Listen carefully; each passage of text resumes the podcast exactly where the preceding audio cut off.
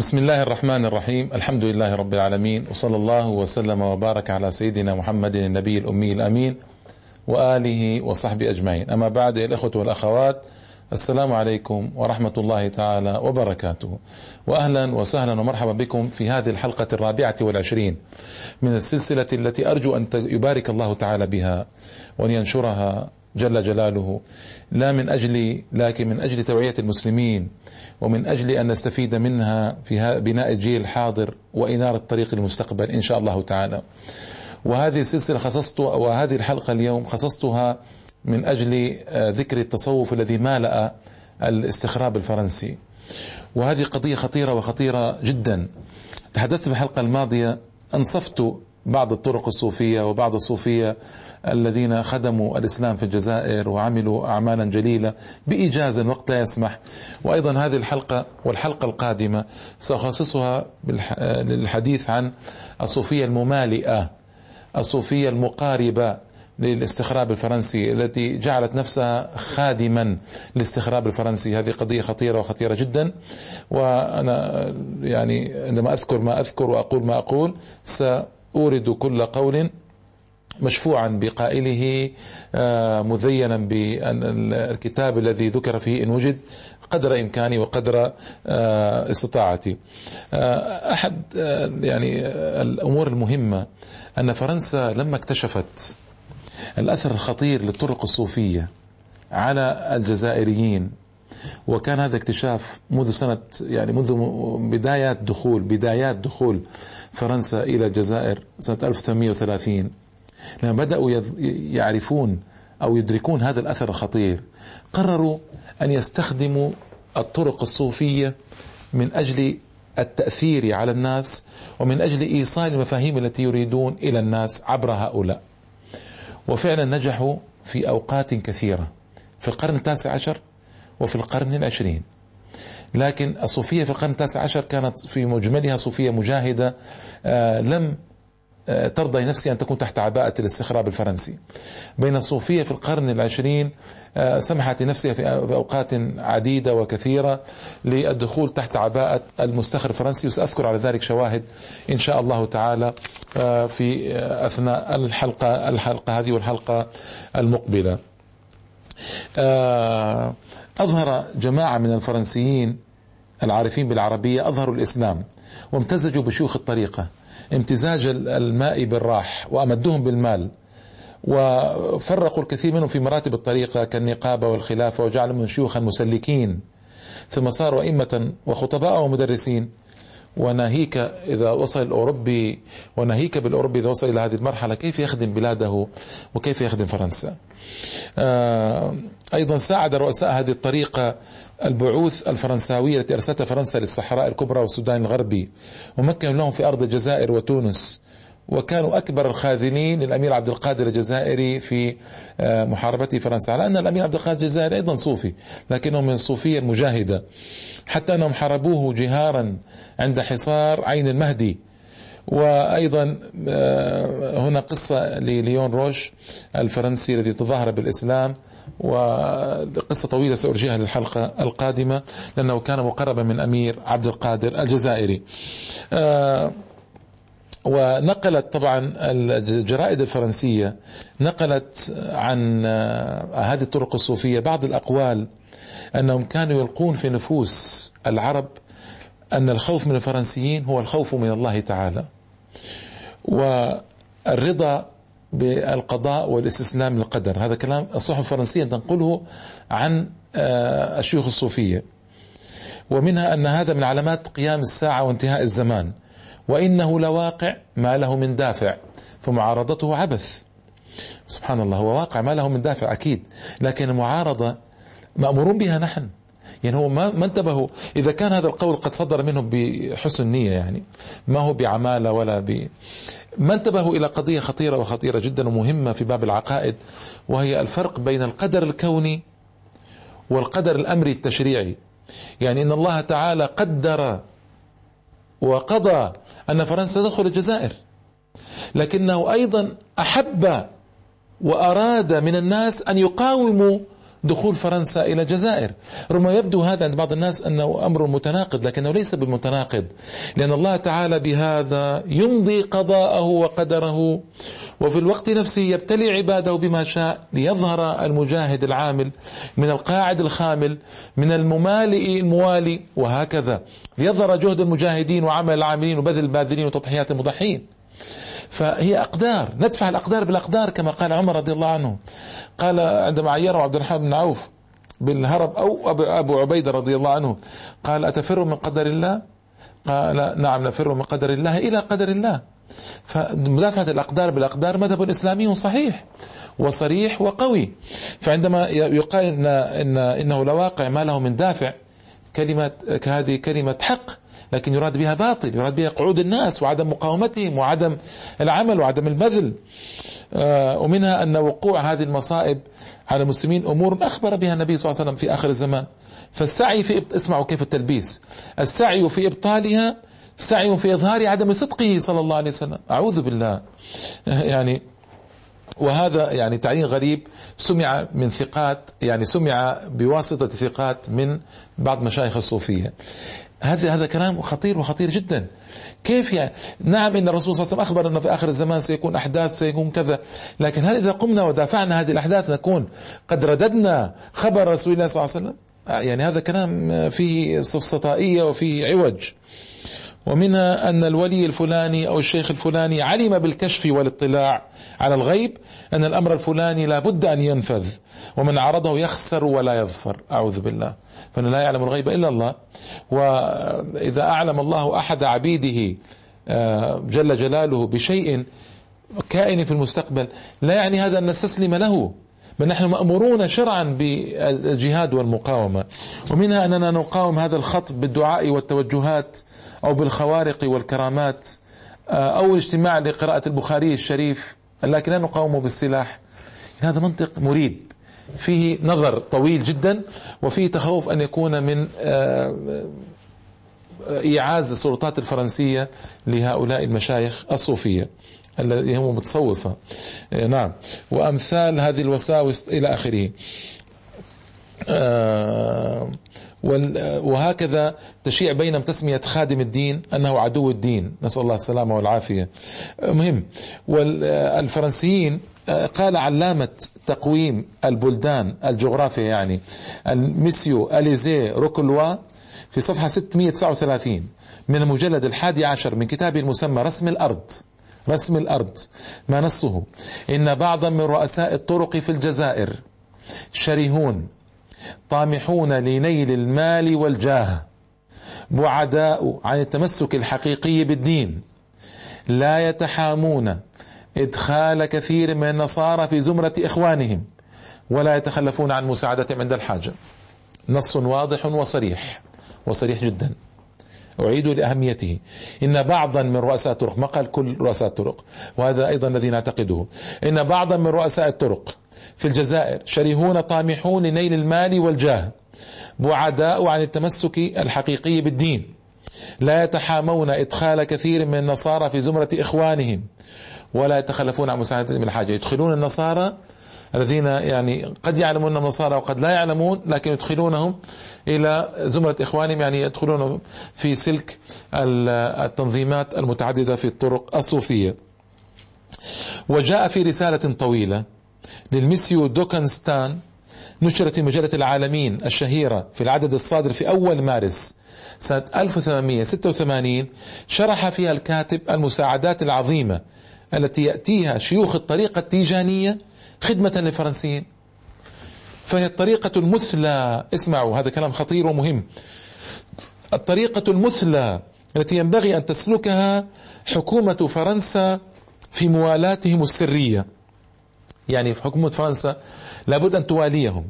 لكن لا تواليهم جهرا لأن المجاهرة قد تضر يقول. إنما تواليهم سرا كما حصل في إبان محاربة الأمير عبد القادر الجزائري. لا حول ولا قوة إلا بالله. قلت لكم إننا لم نخسر الحرب مع فرنسا ولم نخسر الحرب مع آه، اليهود ولم نخسر أي حرب تقريبا إلا بالخيانات والخيانات والخيانات. نعم. ومما جاء في تلك الرسالة أيضا لميسيو دوكنستان قوله إنني بغاية الأسف. ألاحظ انكباب ضباطنا الفرنسيين في الجزائر على الدخول في زمرة الطريقة التيجانية وتهافتهم على أخذ العهد بتظاهر زائد. اسمعوا هذه حقائق يعني حقائق ينقلها فرنسي. أن كثير من الضباط الفرنسيين يذهبون إلى الزوايا التيجانيين الصوفية ويأخذون عهد على الشيخ وهم كفار مشركون ما زالوا. نعم. وإلى حد لا يقبله الذوق والاستحسان يعني إن كنت فعلتم إن كنتم فعلتم ذلك فعلوه سرا. لا تفعلوا جهرا تفضحوننا أمام الجزائريين ويظهر عمالتكم أمام الجزائريين ويظهر عمالة هؤلاء المتصوفة. يعني هذا الذي هو يريد. وإن كان من الحكمة والرشد أن يدخل بعض رؤسائنا العارفين بلغة العرب في زمرة الطريقة التيجانية. ليش؟ اسمعوا. توصلا للفوائد السياسية التي تنتج من ذلك إذ لا ينكر أنهم بهذه الوسيلة يمكنوننا من نشر الأمن في الأقطار والصحاري. ومن تقوية نفوذنا على العرب كما هو حاصل الآن بكل سهولة بسبب المصالح المتبادلة والمتكافئة بيننا وبين رؤساء هذه الطريقة. إذا هي قضية مصالح وليست قضية دين. فإذا أردنا أن نستفيد بانتظامنا فيها ويقوى سلطاننا على المسلمين بواسطتها ينبغي أن نسلك المسلك السري. الله أكبر. كلام ما هناك كلام أوضح من هذا الكلام. في عمالة هؤلاء المشايخ نسأل الله السلامة والعافية. آه طبعا آه لم يكن هذا فقط عند صوفية الجزائر أو بعض صوفية الجزائر إنما كان عند آه عديد عند العديد من الصوفية في أنحاء العالم الإسلامي. ساعدوا المستخرب العالمي. كذلك عديد من الصوفية في الحقيقة كانوا في يقومون في وجه المستخرب العالمي مجاهدين عظماء أبطالا كما ذكرت في الحلقة الماضية. طيب آه وهنا أيضا ذكر أمر مهم. لماذا كان الفرنسيين كان كان فرنساويون يقومون في وجه عبد الحميد باديس وجميع العلماء الجزائريين ويضيقون عليها بكل وجه. ويضايقون رؤساءها ويسجنونهم وينفونهم في بعض الأحيان. ويضيقون عليهم ويمنعونهم من التدريس ويمنعون بينما يفتحون الأبواب الواسعة جدا والمشرعة بقوة أمام الصوفية. هذا سؤال منطقي. لماذا؟ لماذا يحصل هذا أيها الأخوة والأخوات؟ لأن الشيخ عبد الحميد بن باديس ومن معه هم أصحاب طريقة صحيحة هم أصحاب عمل رائع وهؤلاء الصوفية يعني أعوذ بالله في ركاب المستخرب العالمي. وتعد كتابات الشيخ عبد الحميد بن باديس مثالا على ذلك حيث تركزت على نشر الإسلام الصحيح ركزت نشر الإسلام الصحيح والمفاهيم الصحيحة وكشف الزيغ والتشويه التي تنشره الطرق المنحرفة. هذا هذا كثير من كتابات باديس لأنه ذاق ويلات الطرق الصوفية المنحرفة. ذاق ويلات الطرق الصوفية المنحرفة. عبد الحميد باديس لذلك كثر في كتبه الحديث عن الصوفية المنحرفة هؤلاء.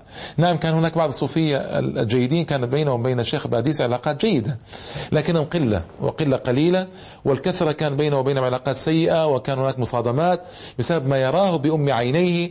من سوء في طريقتهم ومن خذلان للمسلمين ومن رضا بالكافرين. هذا الواقع.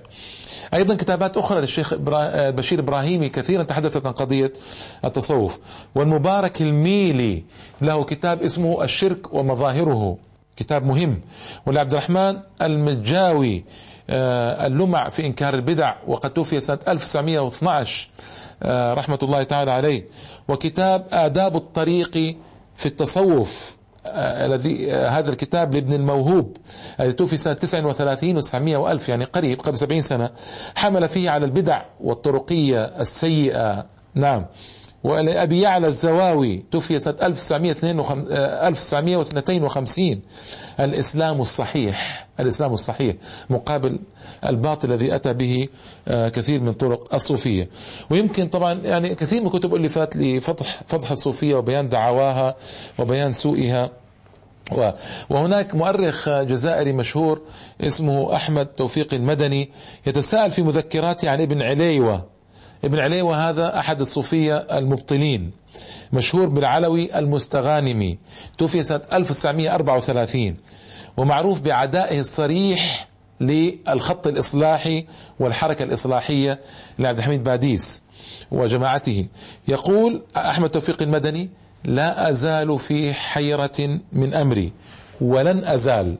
كيف يمكن إنشاء طريقة صوفية كيف يمكن إنشاء طريقة صوفية على يد هذا العلوي المستغانم وهو شبه أمي؟ وكيف كان له سلطان على الناس وهو لا يكاد يبين؟ يعني لو كان فصيحا بليغا جميل الكلام جميل الحديث لقلنا يعني عرفنا لكنا عرفنا سبب سلطاني على الناس لكن يعني أمي ولا يكاد يبين. كيف يكون له سلطان على الناس مثل هذا؟ ويعني هذه مصيبة من المصائب الكبيرة جدا.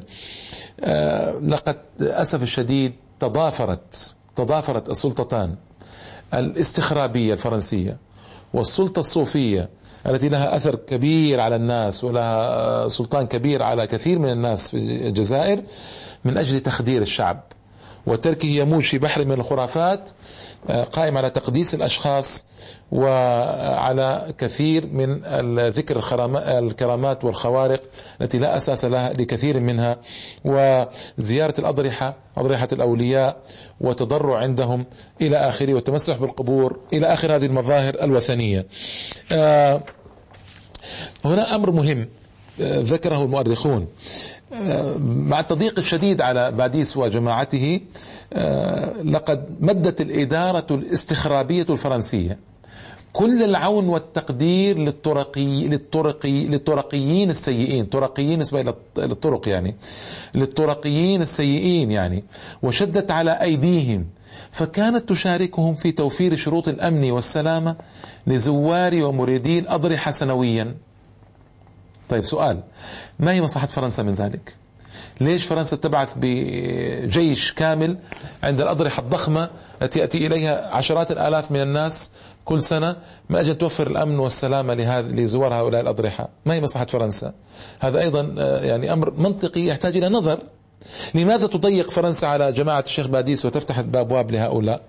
طيب آه ولا يدفع اسمعوا ولا يدفع المتنقلون في القطارات إلى نصف التسعيرة فقط إلا نصف التسعيرة فقط. إكراما لشيوخ الطريقة. وذكر المؤرخ الفرنسي إيميل دارمينغهام أن ضريح الولي سيدي عابد كان يزوره سنويا من ثمانين إلى مئة ألف زائر من جزائر العاصمة وهران ومناطق أخرى. ويتم الاحتفال تحت حراسة الدرك والدرك والأمن الفرنسيين المجندين خصيصا لهذه الوعدات. كان يسمى وعدة يعني وعدة تاريخ معين يتعد فيه الناس ويأتون من كل مكان. آه طبعا هنا واضح التعاون الذي جرى بين فرنسا وهذه الأماكن المراكز الروحية آه، التي تشرف عليها المشايخ الطرقية هؤلاء السيئين آه، وذلت لهم الصعوبات وأيضا آه، هناك انتشار مذهل للزوايا انتشار كبير للزوايا في الجزائر آنذاك. يعني بلغ عددها حوالي 349 زاوية. في الجزائر والزاوية عبارة عن مباني ضخمة فيها طعام وشراب ومريدون كثر جدا ويعني خيول وبهائم. آه، يعني آه، عبارة عن قرية صغيرة. ومن جهة أخرى فتحت 349 زاوية ومن جهة أخرى أغلقت كثيرا من المدارس وأغلقت كثيرا من فروع جمعية العلماء والجزائريين وطاردت العلماء لتفتح الطريق أمام تخدير الشعب. تخدير الشعب. هذه حقيقة لابد أن نعترف بها. تخدير الشعب و... و... لأن الشعب العاجز عن مواجهة واقعه. الشعب الذي لا يستطيع أن يواجه الواقع. بذل كل ما عنده. وجاهد جاهد الفرنسيين. ثار في وجوههم. دخل السجون. قتل منه كثير أعدم منه كثير آه، جرح منه ملايين ملايين قطعا جرحت على مدار الاحتلال الفرنسي للجزائر في قرن وثلث القرن قتل ملايين قطعا. فعل كل ما عندهم. في النهاية وصلوا إلى طريق مسدود. طريق مسدود ما استطاعوا أن يعملوا معه شيئا. هنا إن لم يوجه الشعب للثبات والاستمرار والعطاء والبذل ماذا يصنع الشعب؟ يخدر. يتجه هو بنفسه إلى التخدير. ما هو هذا التخدير؟ إما يتجه لمخدرات ونسأل الله السلامة ليبتعد عن الواقع أو يتجه إلى المراكز التصوفية هذه. لأن المراكز التصوفية تخدر أعصابه أعظم مما يفعل المخدر العادي. لماذا؟ لأن تربط فعله هذا وتربط عجزه هذا وتربط سوء تصرفه هذا وتربط اختلال تفكيره هذا بالدار الآخرة. وتزعم أن الله يثيبه عليه. فهمتم هنا الخطر الكبير؟ هذا ذلك الذي هرب إلى المخدرات والمكيفات إنما هرب إلى ضلال وهرب إلى باطل وهرب إلى تدمير صحته في الدنيا وإلى عقاب في الآخرة. بينما هذا هرب إلى ثواب وجزاء. هكذا يظن أو هكذا سول له مشايخ الطرق الصوفية المنحرفون. سولوا له أنه بعجزه وبقائه وعدم مقارعته للاستخراب العالمي وعدم مهاجمته للفرنسيين ورضاه بالواقع إنما هو في الحقيقة ينفذ أمر الله ويجري في قضاء الله تعالى. وهذا منتهى الضلال وهي جريمة كبيرة في حق الأجيال. جريمة جريمة أن تحيد الأجيال وأن تخرجها من ميدان المعركة. وتسمح بالبقاء للمستخرب الفرنسي في بلادك جريمة ليس بعدها جريمة. لذلك كان المستخرب الفرنسي يغدق على كثير من مشايخ الطرق إغداقا لا مثيل له. ولا يحاسبهم على الأموال الكثيرة التي يأتي بها مريدوهم ويأتي بها تأتي بها صناديق النذور وتأتي يعني لا يحاسب على هذه الأموال. بينما يأخذ من الفلاح الجزائري المسكين ويأخذ من عامة الجزائريين ضرائب ثقيلة وثقيلة جدا. لا تسمح بها أحوالهم. طيب ما هذا التناقض؟ ما هذا التناقض؟ هو يعلم أن في أيدي مشايخ الطرق هؤلاء الضلال في أيديهم ملايين وعشرات الملايين. لماذا لا يحاسبهم عليها؟ لماذا لا يأخذ ضريبة منهم؟ لماذا لا يعاقبهم ويستصفي أموالهم كما فعل مع الفلاحين المساكين ومع سائر الجزائريين؟ السبب واضح. كل الوضوح أن الاستخراب العالمي ليس في الجزائر فقط بل في كل مكان يكثر فيه تصوف الضال الباطل وليس التصوف الصحيح إنما يعتمد على هؤلاء كل الاعتماد في تخدير الشعب واستيلاء على مقدراته وثرواته ومن ثم وهو الأهم رضا الشعب بالواقع. رضا الشعب بالواقع. هذا باختصار شديد يعني ما صنع المستخرج الفرنسي في صوفية الجزائر. بقي لنا في الحقيقة يعني آه، ثلاثة قضايا آه، ثلاث قضايا مهمة جدا. القضية الأولى يعني آه، اعترافات أحد أفراد الطريقة مش أحد سيد الطريقة التيجانية في الجزائر في الثلث الأول من القرن التاسع عشر من القرن العشرين أعني اعترافات خطيرة وخطيرة جدا لابد أن نقرأ عليكم. وبقي أيضا علينا آه، قصة خطيرة وخطيرة جدا لامرأة فرنسية تزوجت شيخين من الطريقة شيوخ الطريقة التيجانية بل هم سادة الطريقة التيجانية. وبقي علينا قصة ليون روش وهو آه، آه، فرنسي عمل عند عبد القادر الجزائري وكسب ثقته وكان جاسوسا كبيرا جدا وله أثر سيء جدا في عبد القادر وفي غير عبد القادر في الجزائر. لكن آه هذه كلها لابد أن تسمعوها لانها قصص مهمة. وخطيرة وفي الوقت نفسه يعني لطيفة. آه لطيف أن تسمعوها أيضا حتى نتعظ ونعتبر وتكتمل العظة والعبرة لكن الوقت لا يسمح. وأنا مضطر أن ألجئها هي الحلقة القادمة الحلقة الخامسة والعشرين. حتى نلتقي أيها الأخوة والأخوات أرجو أن تكونوا بصحة وعافية وأن آه، تقرأوا تقرأوا أيضا في تاريخ الجزائر. لا يكفي ما أذكره لكم ولا يغني. وأن أخاطب خاصة الجزائريين إخواني الجزائريين وأخواتي الجزائريات أن يقرأوا تاريخهم أن يقرأوا حتى يتعظوا ويعتبروا ويصلحوا واقعهم وينيروا مستقبلهم بموجب هذا التاريخ. في اللقاء إن شاء الله تعالى في الحلقة القادمة. والله أعلم وأحكم وأجل وأعظم. وصل اللهم وسلم وبارك على سيدنا محمد النبي الأمي الأمين وعلى آله وصحبه أجمعين. وإلى اللقاء. والسلام عليكم ورحمة الله تعالى وبركاته.